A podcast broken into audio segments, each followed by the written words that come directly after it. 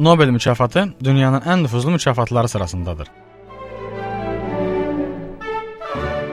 İxtiraçı və sənayeçi Alfred Bernard Nobelin soyadını daşıyan mükafatın maraqlı təsis edilmə tarixi var. Alfredin kiçik qardaşı Emil öz fabriklərində partlayıcı maddə olan nitrogliserin ilə təcrübə apararkən partlayış nəticəsində həlak olub. Bu hadisədən sarsılan alim istehsalı və daşınması təhlükəsi olan partlayıcı ixtira etməyi qarşısına məqsəd qoyur və 3 il sonra dinamiti kəşf edir.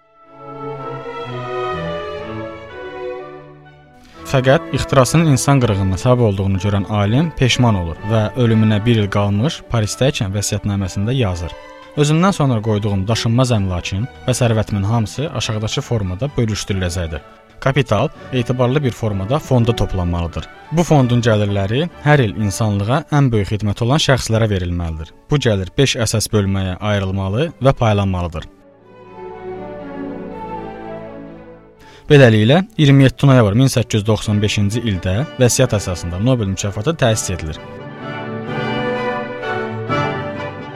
Təşəbbüskarın vəfatından sonra qalan kapitalla Nobel fondu yaradılır və 1901-ci ildən mükafat öz sahiblərini tapmağa başlayır. Vəsiyyətə əsasən mükafat bu 5 sahə üzrə verilir: fizika, kimya, tibb və fiziologiya, ədəbiyyat, sülh. Nobel fondunun yaranmasında Bakının da rolu olub. Belə ki, Alfred Nobel dünyasını dəyişdikdən sonra onun Azərbaycandakı əmlakı hesablanaraq 5.2 milyon İsveç kronu olduğu müəyyən olunub. Ümumilikdə mükafatlar sisteminin yaranmasına 30 milyon İsveç kronu ayrılıb.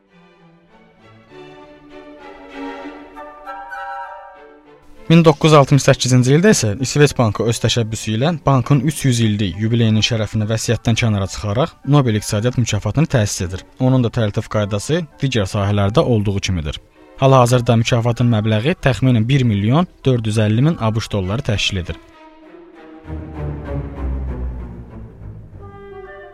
Hər bir istiqamət üzrə mükafatın təqdim edilməsi üçün xüsusi Nobel komitələri mövcuddur. İsveç Kral Elmlər Akademiyası öz tərkibində fizika, kimya və iqtisadiyyat üzrə 3 komitə təsis edib. Bundan başqa İsveç Akademiyası ədəbiyyat üzrə, Karolin İnstitutu tibb və fiziologiya üzrə və nəhayət Norveç parlamenti isə sülh mükafatı üzrə komitələr seçirlər. Hər komitə 5 nəfərdən ibarətdir. Qeyd edək ki, yaranmış ənənəyə əsasən sülh mükafatından başqa yerdə qalan bütün mükafatlar İsveçrədə təqdim olunur.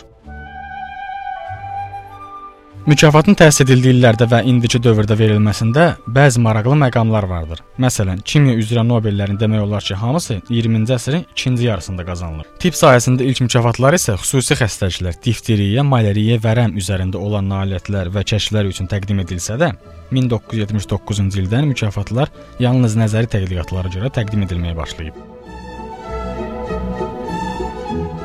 Mükafatın laureatları ilə bağlı maraqlı faktlar da mövcuddur. Ən əsası qadınlara kişilərlə müqayisədə mükafat daha az verilib. 1901-2010-cu illər ərzində yalnız 40 qadın laureat olub. Müqayisə üçün deyək ki, kişi laureatların sayı 773-dür. İqtisadiyyat sahəsində isə ümumiyyətlə təsis edildiyi ildən 2009-cu ilə qədər heç bir zərif cins nümayəndəsi bu fəxrədə layiq görülməyib.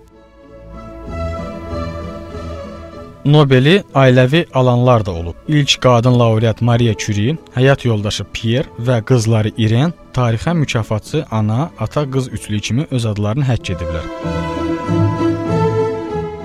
Qəribə olsa da, bu qədər nüfuzlu mükafatı qəbul etməyənlər də olub. Fransız filosof və tənqidçi Jean-Paul Sartre buna nümunədir. 1964-cü ildə ədəbiyyat üzrə fəxri ada layiq görülən yazar həm əsərlərinə, həm də siyasi mövqeyinə zərər verəcəyi səbəbilə mükafatı rədd edir və tarixə Nobel mükafatını qəbul etməyən ilk namizəd olaraq düşür. 4 nəfər isə mükafatı rədd etməyə məcbur edilib. Bunların üçü Richard Kahn, Adolf Butenandt və Gerhard Domok. Adolf Hitler tərəfindən, Boris Pasternak isə Sovet İttifaqının hakimiyyət orqanları tərəfindən bu qərarı almağa məcbur edilib. İlk müsəlman laureat Əbdüssalam 1979-cu ildə fizika üzrə bu fəxri ada layiq görüldüyündə mükafatın məbləğini inkişaf edən ölkələrdən olan fiziklərin ehtiyaclarının ödənilməsinə sərf edib. Mükafatçılar arasında Winston Churchill, Mikhail Gorbaçov, Kofi Annan, Barack Obama, Ernest Hemingway, Rudyard Kipling, Bernard Shaw, Rabindranath Tagore, Anna Axmatova, Aleksandr Solzhenitsin, Albert Einstein, Wilhelm Röntgen və Lev Landau kimi siyasi xadim, yazıcı, şair və alimlərin adları var. Yeri gəlmişkən, Landaunun Nobel mükafatına layiq görülməsində Azərbaycan təhsil müəssisələrində töhfəsi olub. Bakıda anadan olan Lev Davidovich 13 yaşında gimnaziyanı bitirsə də, universitetə yaşı çatmadığından Bakı İqtisadiyyat Texnikumuna qəbul olub. 14 yaşından isə Bakı Dövlət Universitetinin 2 fakültəsində fizika, riyaziyyat və kimya ixtisasları üzrə təhsil alıb.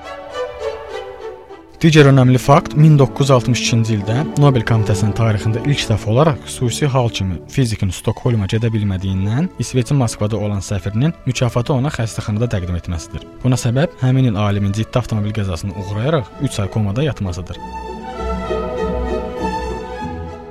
Əfsuslar olsun ki, 117 yaşlı mükafatlı laureatları sırasında hələ də azərbaycanlıların adları yoxdur. Orxan Alpaşayev, Gənclərin Səs Radiosu